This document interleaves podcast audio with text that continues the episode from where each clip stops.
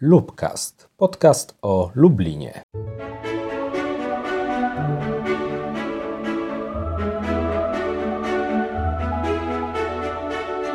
Dzień dobry albo dobry wieczór. Ja nazywam się Jacek Skałecki i zapraszam do wysłuchania kolejnego odcinka najlepszego spośród podcastów o Lublinie, czyli Lubcastu. Kiedyś, a było to bardzo dawno temu, w Polsce odbywały się procesy sądowe, które nie miały nic wspólnego ze sprawiedliwością, a wobec oskarżonych fałszowano dowody i wymuszano zeznania. Dacie wiarę, że takie rzeczy mogły dziać się w Polsce? Otóż działy się. Chodzi mianowicie o procesy o czary z XVI, XVII i XVIII wieku, a tych w Lublinie było co niemiara.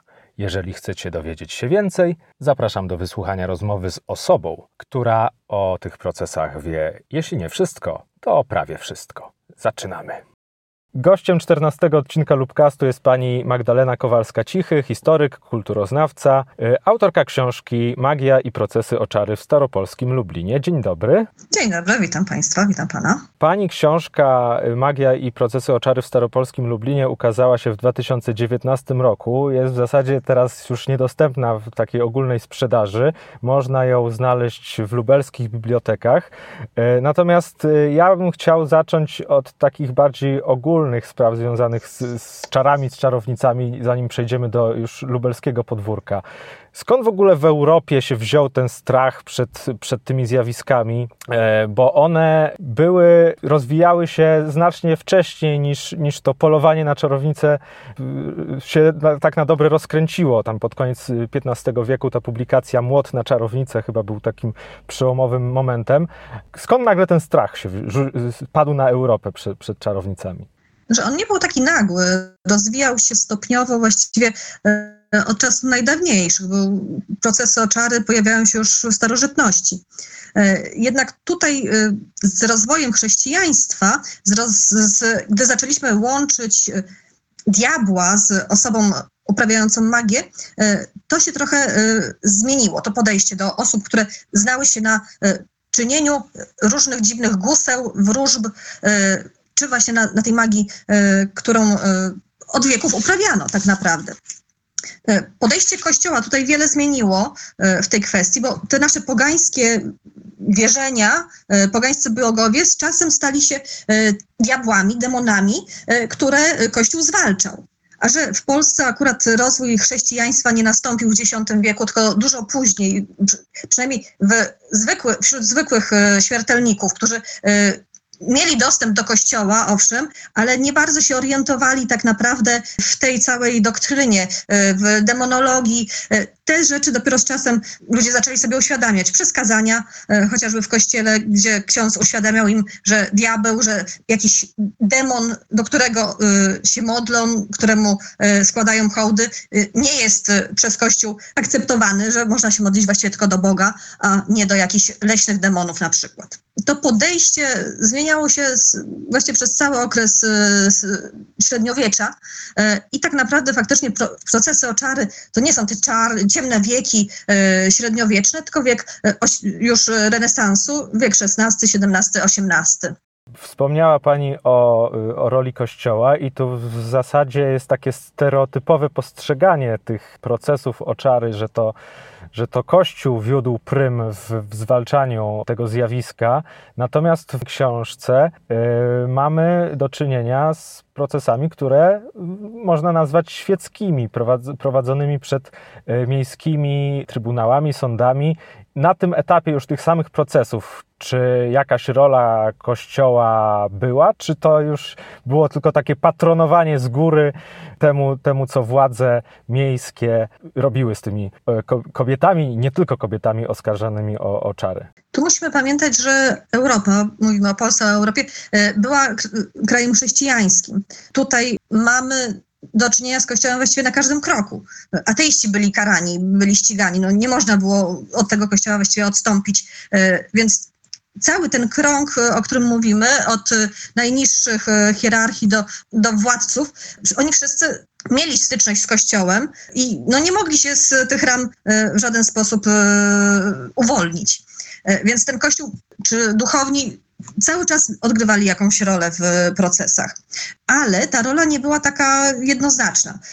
Tutaj od razu polecam książkę Jacka Wijaczki, Kościół wobec czarów, e, który e, też bardzo dobrze ten problem e, prześwietla na przestrzeni wieków. Tak w, po prostu w skrócie mówiąc, można powiedzieć, że zaczęło się od tych kazań, które wygłaszali duchowni i w ten sposób ten strach przed diabłem i jego wspólniczkami rósł powoli. Procesy faktycznie początkowo przed sądami kościelnymi się toczyły.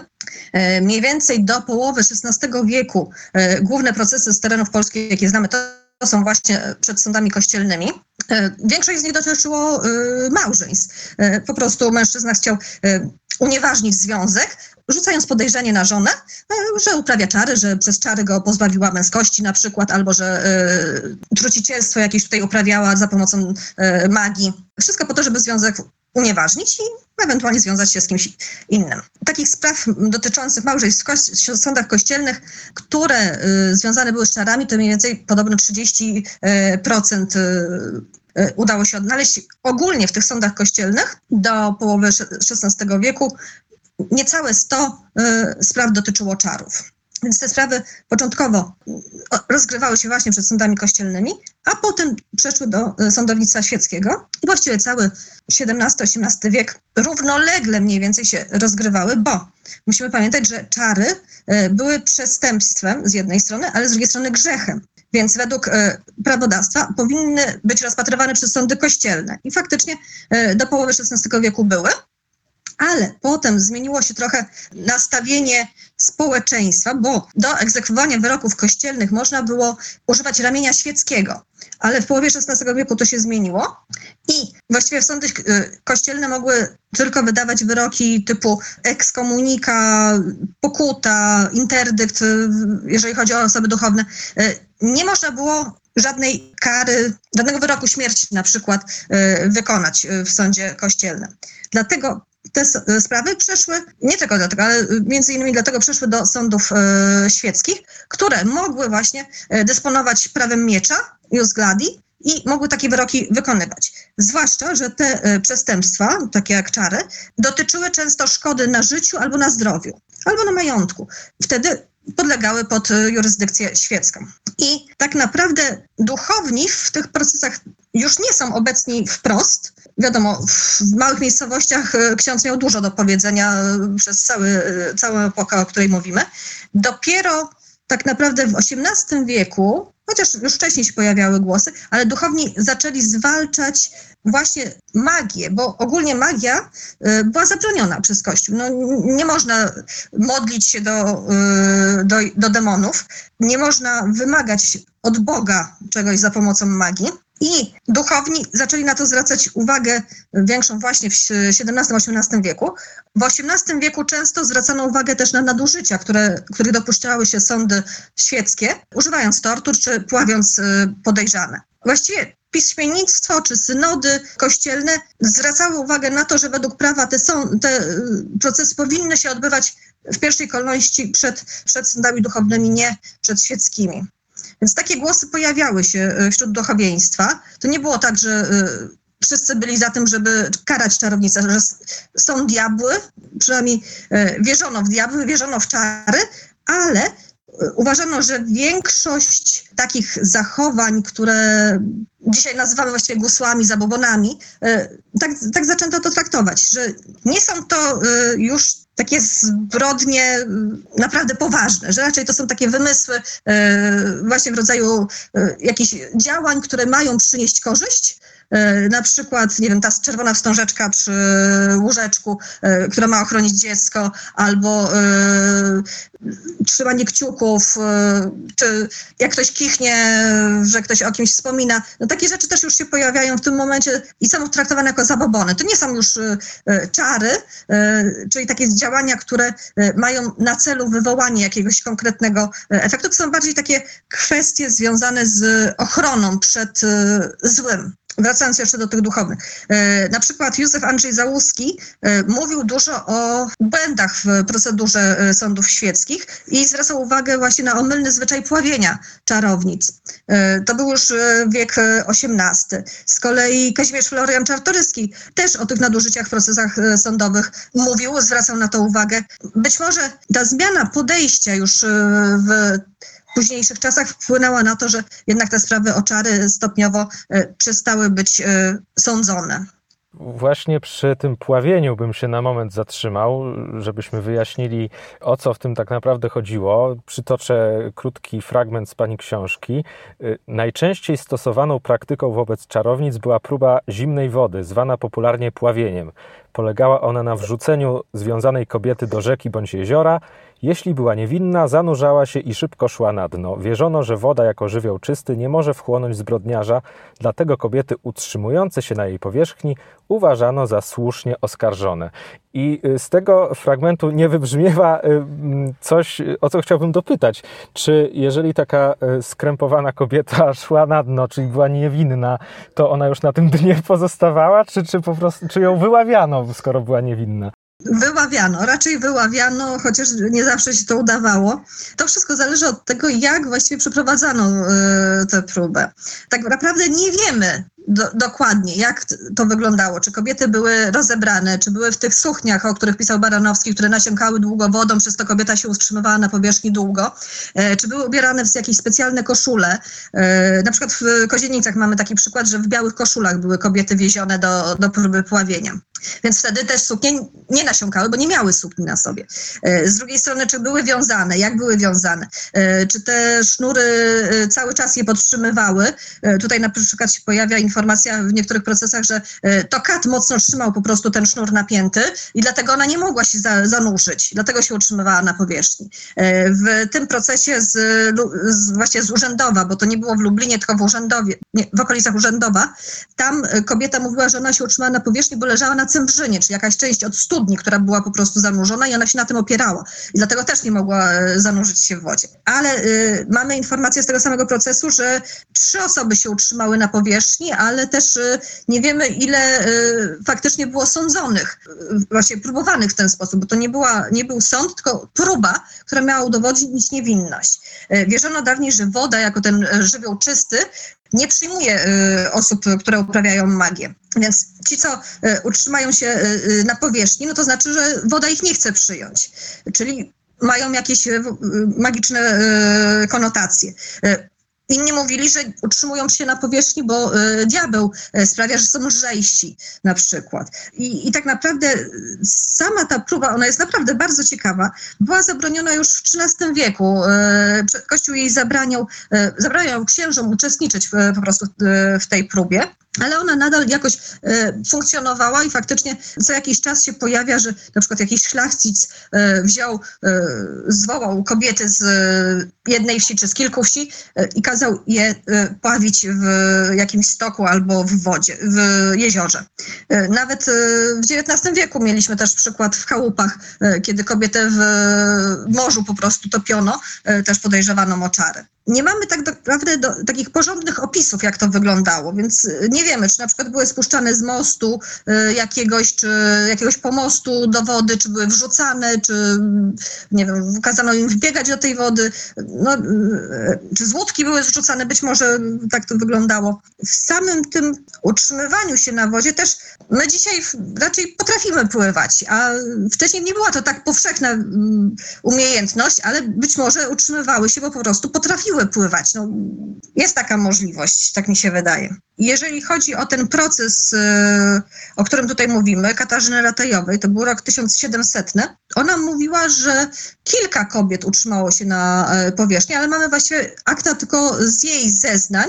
Nie wiemy, co się stało z tymi pozostałymi e, podejrzanymi w tym procesie. Samo pławienie nie było częścią procedury sądowej, ono właśnie było tak, jakby poprzedzało e, samo postępowanie. Często sami oskarżeni prosili o próbę wody, bo wierzyli, że zostaną wtedy uniewinnieni, bo skoro byli niewinni, no to na pewno, na pewno ta próba to, to wykaże. Bardzo dużo o próbie e, zimnej wody pisał Jacek Wijaczka. To też e, znowu odsyłam do tego najważniejszego chyba w tej chwili historyka zajmującego się procesami oczary w e, Polsce i w Prusach. On też właśnie tutaj artykuł na ten temat wydał. Warto, warto do niego sięgnąć. Mówiliśmy o pławieniu kobiet, natomiast procesom oczary były poddawane nie tylko kobiety, ale również mężczyźni co nie, nie zachowało się jakoś tak w obiegowej e, świadomości. Raczej, raczej wyobrażamy sobie, że, że czarownice. Skąd y, przewaga kobiet y, w tych procesach i czy procesy mężczyzn i kobiet jakoś się od siebie różniły? Zwykle uważa się, że kobiety stanowiły właściwie od 75 do 95% osób oskarżonych o czary, czyli w rzeczywistości było ich naprawdę dużo, ale mężczyźni także się pojawiali rzeczywiście. Są różne teorie na ten temat. Niedawno e, ciekawy wykład e, poprowadził Łukasz Hajdrych, właśnie dotyczący mężczyzn w procesach o czary. Pisał też o tym znowu Jacek Wijaczka, więc też, też odsyłam do, do jego artykułu. Mężczyźni zwykle są utożsamiani, tak w, przynajmniej w tych popularnych wyobrażeniach, wyobrażeniach z jakimś magią wyższą. Jak, jakiś wróżbita na dworze królewskim, jakiś astrolog. E, I, i rzeczywiście mężczyźni e, faktycznie jako astrolodzy, jako alchemicy e, nam się tutaj w aktach różnych pojawiają, tylko zwykle nie byli oskarżani o, o te zbrodnie, o których tutaj najczęściej mowa. Kobiety znowu były uważane za słabsze od mężczyzn, za bardziej podatne na namowę diabła, za bardziej lubieżne, za bardziej wymagające opieki mężczyzny, a skoro na przykład wdowy już takiej opieki nie miały, bo już e, ich mąż, ich ojciec już e, nie sprawował nad nimi władzy, były uważane za bardziej niebezpieczne. Często osoby, które były oskarżone o czary, jeżeli chodzi o kobiety, e, to były kobiety po pięćdziesiątce. Mówi się w sile wieku, ale jeszcze nie, nie stare, nie aż tak, jak sobie wyobrażamy dzisiaj. Były to nie tylko wdowy, ale też e, mężatki. I ich mężowie także się czasami pojawiają w zeznaniach, e, w procesach o czary.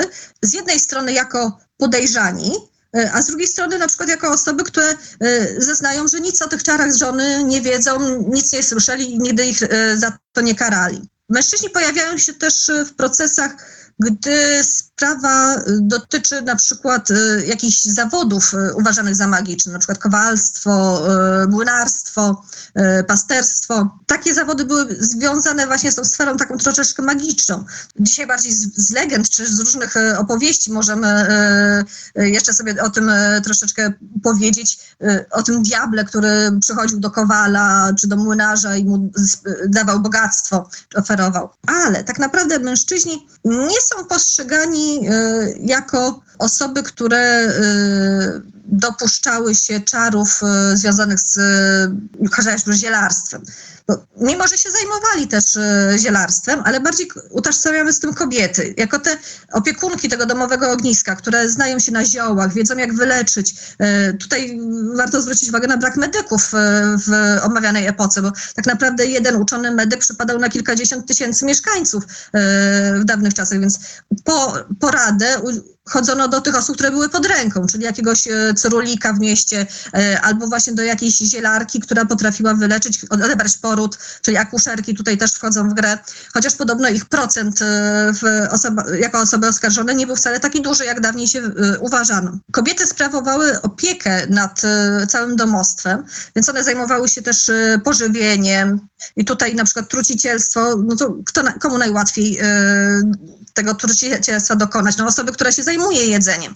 E, więc wszelkie służące, wszelkie e, matki, które e, dbają o, o dom, o, o wyżywienie rodziny, one były często postrzegane właśnie jako te, które mogą coś tutaj zrobić niecnego. Kobieta najczęściej oskarżana tak statystycznie rzecz biorąc, była faktycznie po pięćdziesiątce, e, była e, nie tylko wdową, mogła być starą panną, mogła być zamężna, ale najczęściej wywodziła się z nizin e, społecznych, była biedna. Tutaj mamy do czynienia czasami z osobami, które już mają jakieś choroby, no nie chcę powiedzieć, że psychiczne, ale staruszki zwykle coś mamroczą pod nosem, czasami spojrzą jakoś tak z ukosa, że człowiek się boi już na, na sam ich widok, a jak na przykład proszę moja jałmużna, ktoś mi nie da, one coś tam pod nosem wymruczą, a potem tego, tą osobę spotka jakaś e, choroba, złapią nogę albo e, coś im się zgubi, no to takie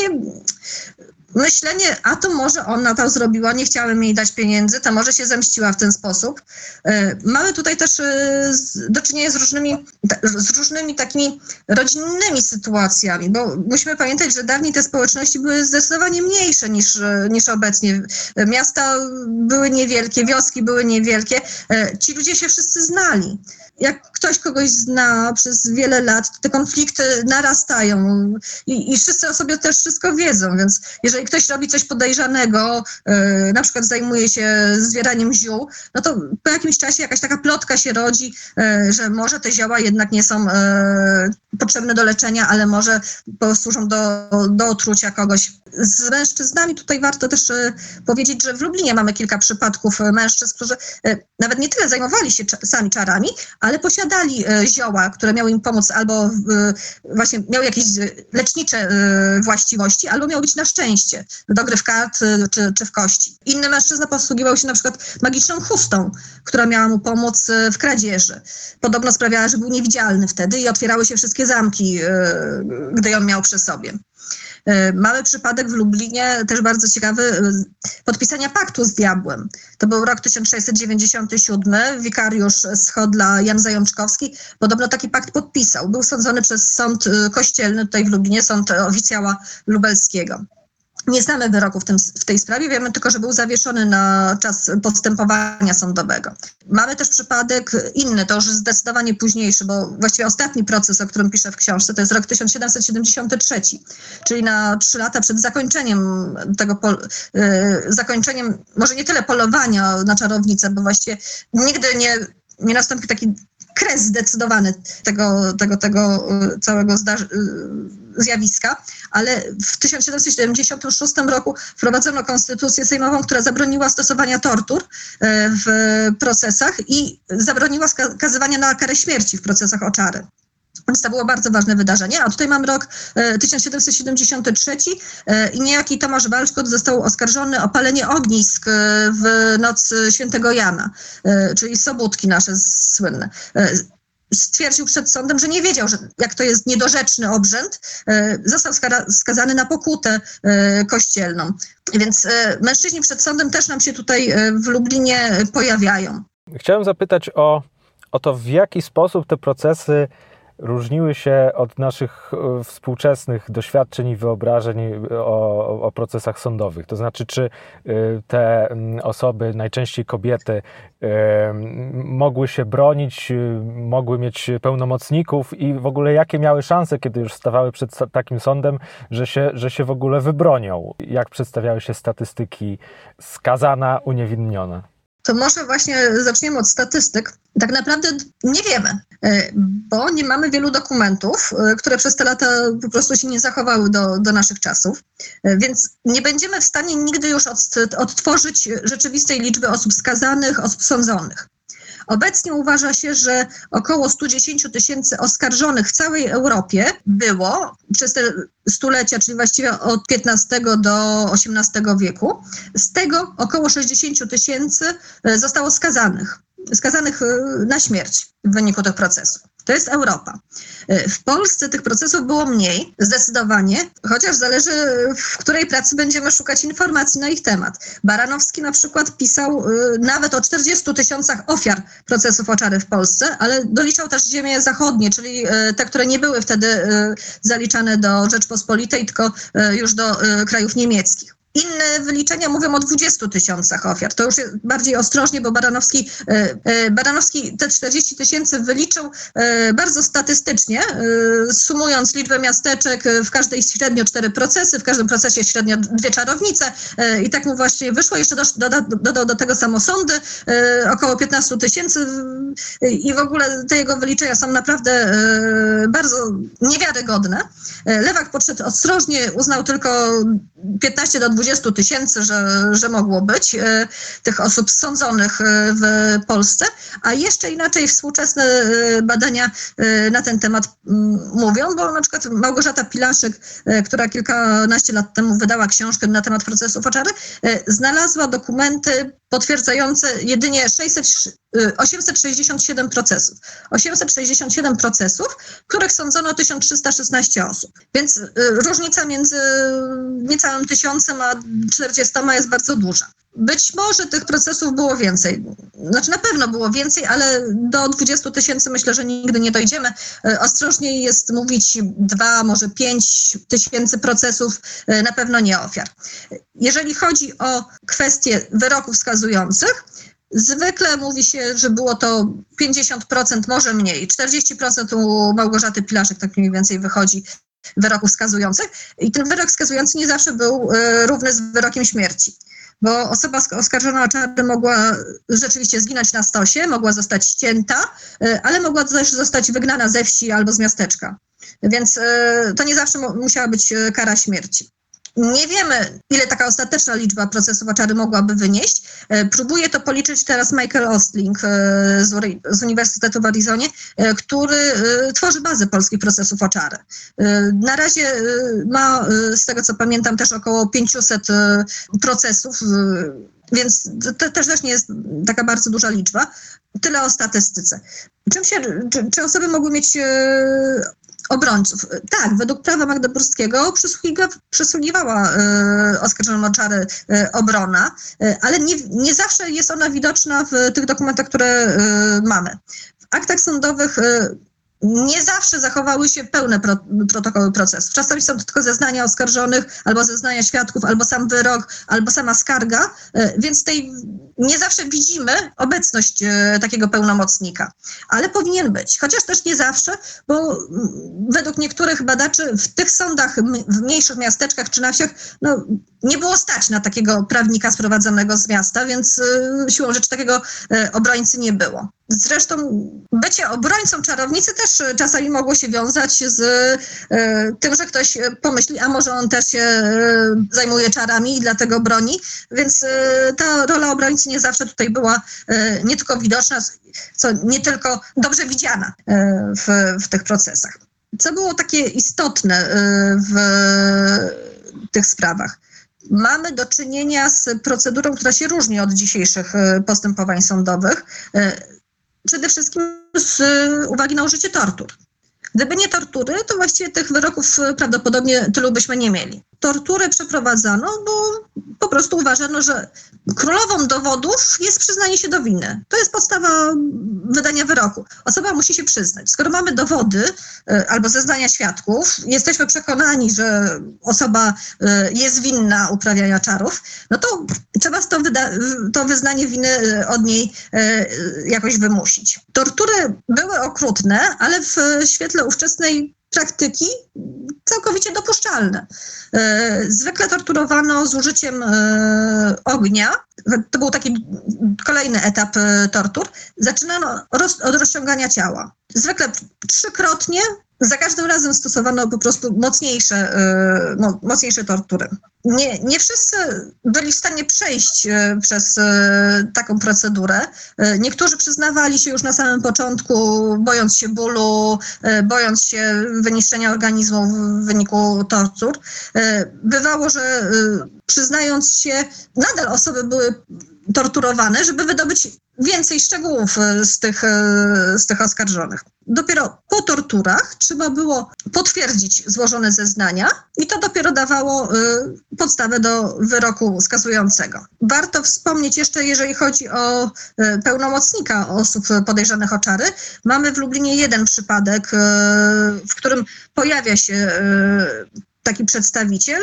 Był to proces z roku 1660 właśnie do 62 i tam Sebastian Fiałkowski był e, pełnomocnikiem skazanej e, w końcu na czary Reginy Sokołkowej.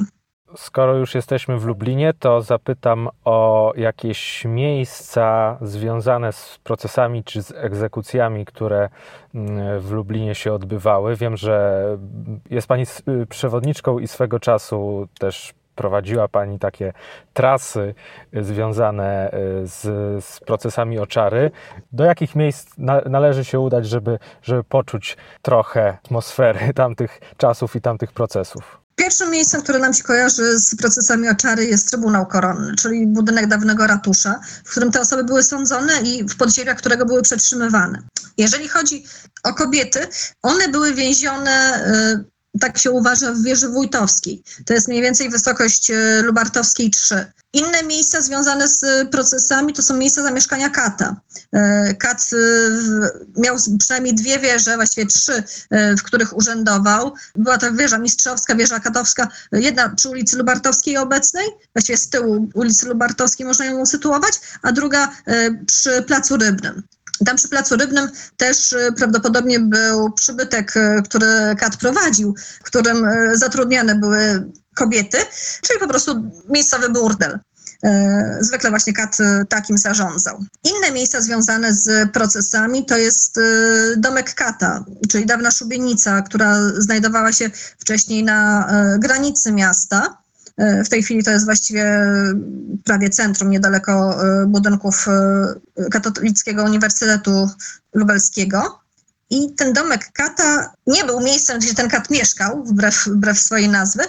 Była to szubienica, przy której wykonywano wyroki, na szubienicy wyroki powieszenia, a przy wyroki na przykład ścięcia ale tutaj też mamy e, miejsce e, wykonania wyroku, rynek, e, czyli znowu wracamy w, w okolice Trybunału, bo na przykład karę ścięcia można było spokojnie wykonać przy rynku, w przeciwieństwie na przykład do kary stosu, bo jednak ogień zaproszony w mieście był trochę niebezpieczny. Lepiej było wykonać taką karę poza granicami miasta. Przy domku Kata też właśnie te zwłoki skazańców były często wystawiane na widok publiczny, żeby odstraszyć kolejnych potencjalnych złoczyńców. Innymi takimi miejscami, o których tutaj warto wspomnieć, jest chociażby Brama Krakowska, bo e, pisał o tym Józef Kuś. Ci złoczyńcy, którzy byli wyganiani z miasta, wyświecani, przechodzili właśnie od Trybunału, e, czyli ratusza, przez Bramę Krakowską e, w stronę granic miasta i cała procesja, która tu towarzyszyła takiemu wyświeceniu, właśnie tamtędy zmie zmierzała. A przy Bramie Krakowskiej też mamy takie informacje, też był rodzaj aresztu, tam też mogły być przetrzymywane osoby oskarżone oskarżono nie tylko o czary, ale też o inne zbrodnie. E, przy bramie krakowskiej prawdopodobnie także wieszano wyroki, e, a na pewno też części ciała skazańców, jeżeli wyrok przewidywał na przykład odcięcie ucha czy e, innej części ciała. Mamy też miejsca, w których prawdopodobnie mieszkały osoby, które w Lublinie uprawiały magię. E, tutaj jest bardzo ciekawie, e, przedstawia się sytuacja z zeznań e, Zofii Baranowej. To jest rok 1643. Ona stwierdziła w którymś momencie, że mieszkała w chałupie przy ulicy Szpitalnej. Czyli prawdopodobnie chodzi o ulicę albo Świętoduską, albo Zieloną, y, obszar koło dawnego święta, y, Szpitala Świętego Ducha. Tam podobno do jej chałupy tylko żaby lazły, i, e, czy jakiś pewnie podmokły teren był, ale ulica Szpitalna się pojawia, więc mamy też na starych mapach czy, czy w różnych księgach informacje, że taka ulica rzeczywiście e, wtedy istniała. E, mamy informacje o tym, że na przykład Regina Sokołkowa mieszkała prawdopodobnie gdzieś przy ulicy Marii Panny, czyli dawna jurydyka Brygidek. Mamy informacje o tym, że Anna Helena, która się pojawia w procesie, to już XVIII wiek, e, ona się pojawia w procesie dotyczącym epidemii i ona mieszkała prawdopodobnie na ulicy Przechodniej, czyli e, też między krakowskim przedmieściem a kościołem Bernardynów. Być może udałoby się takich miejsc znaleźć więcej, ale w tych procesach właściwie, które mamy tutaj w Lublinie, osób, które mieszkały w Lublinie jest niewiele.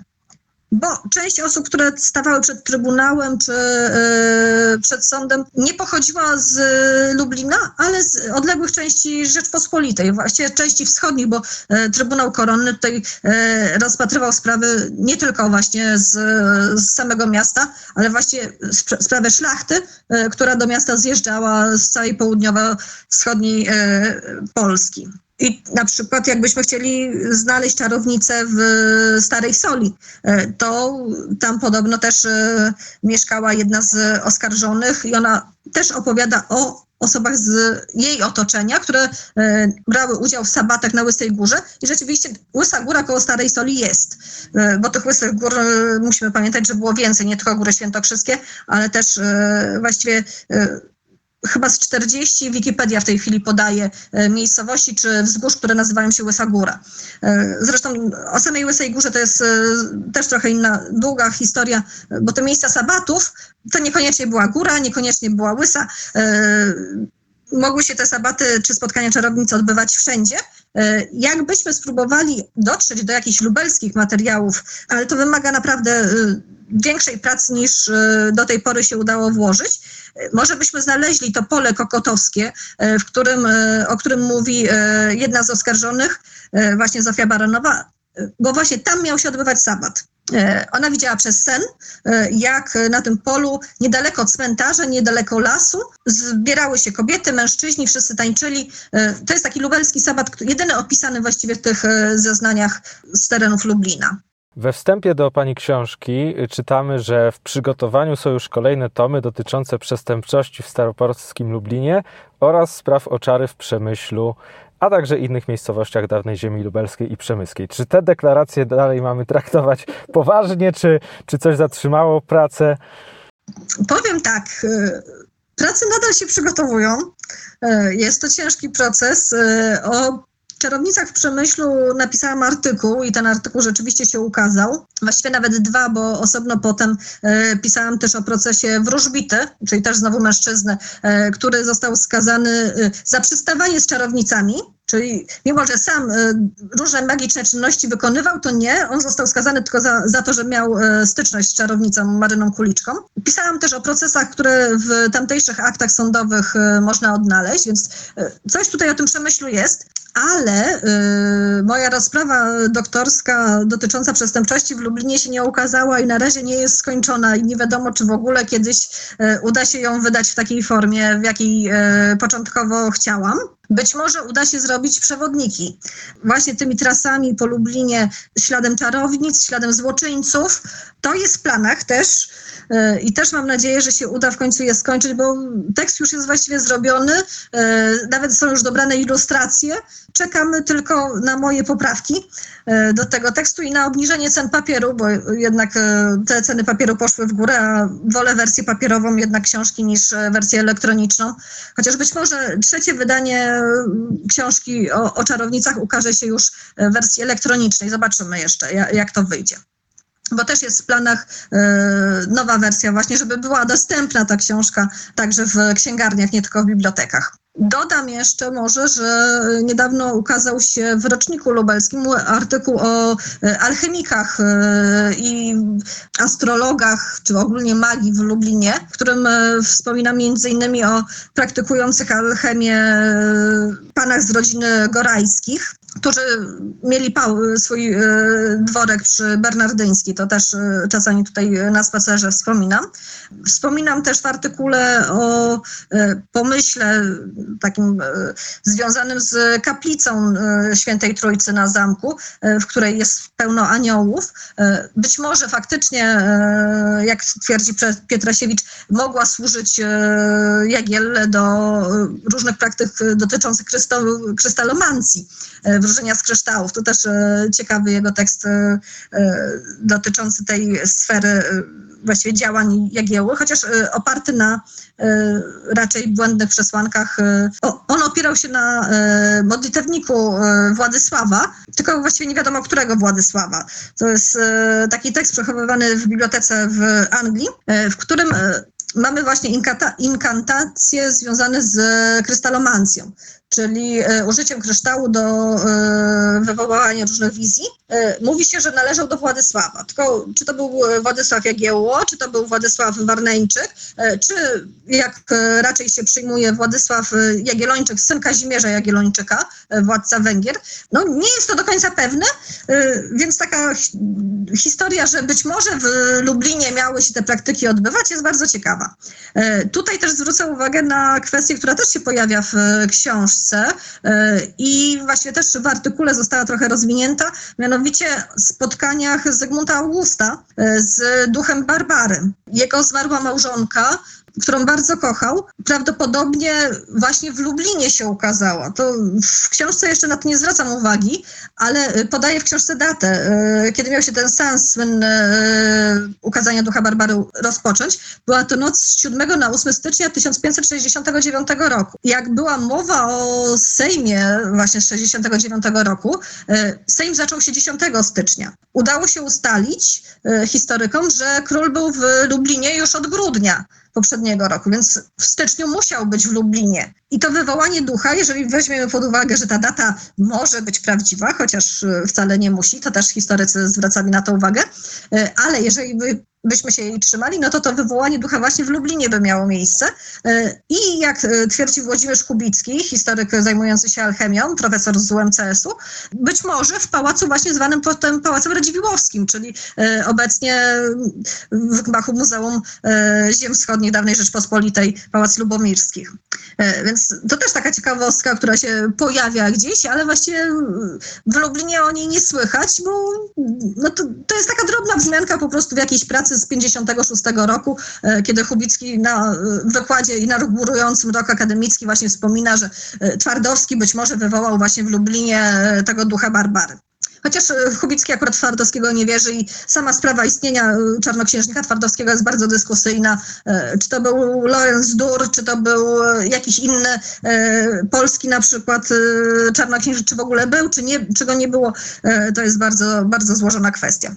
Ale jeżeli przyjmiemy, że był i że wywołał właśnie wtedy ducha, no to mamy Lublin tutaj. Nie Warszawę, nie Kraków, nie, nie, nie żadne inne miasto, tylko właśnie Lublin.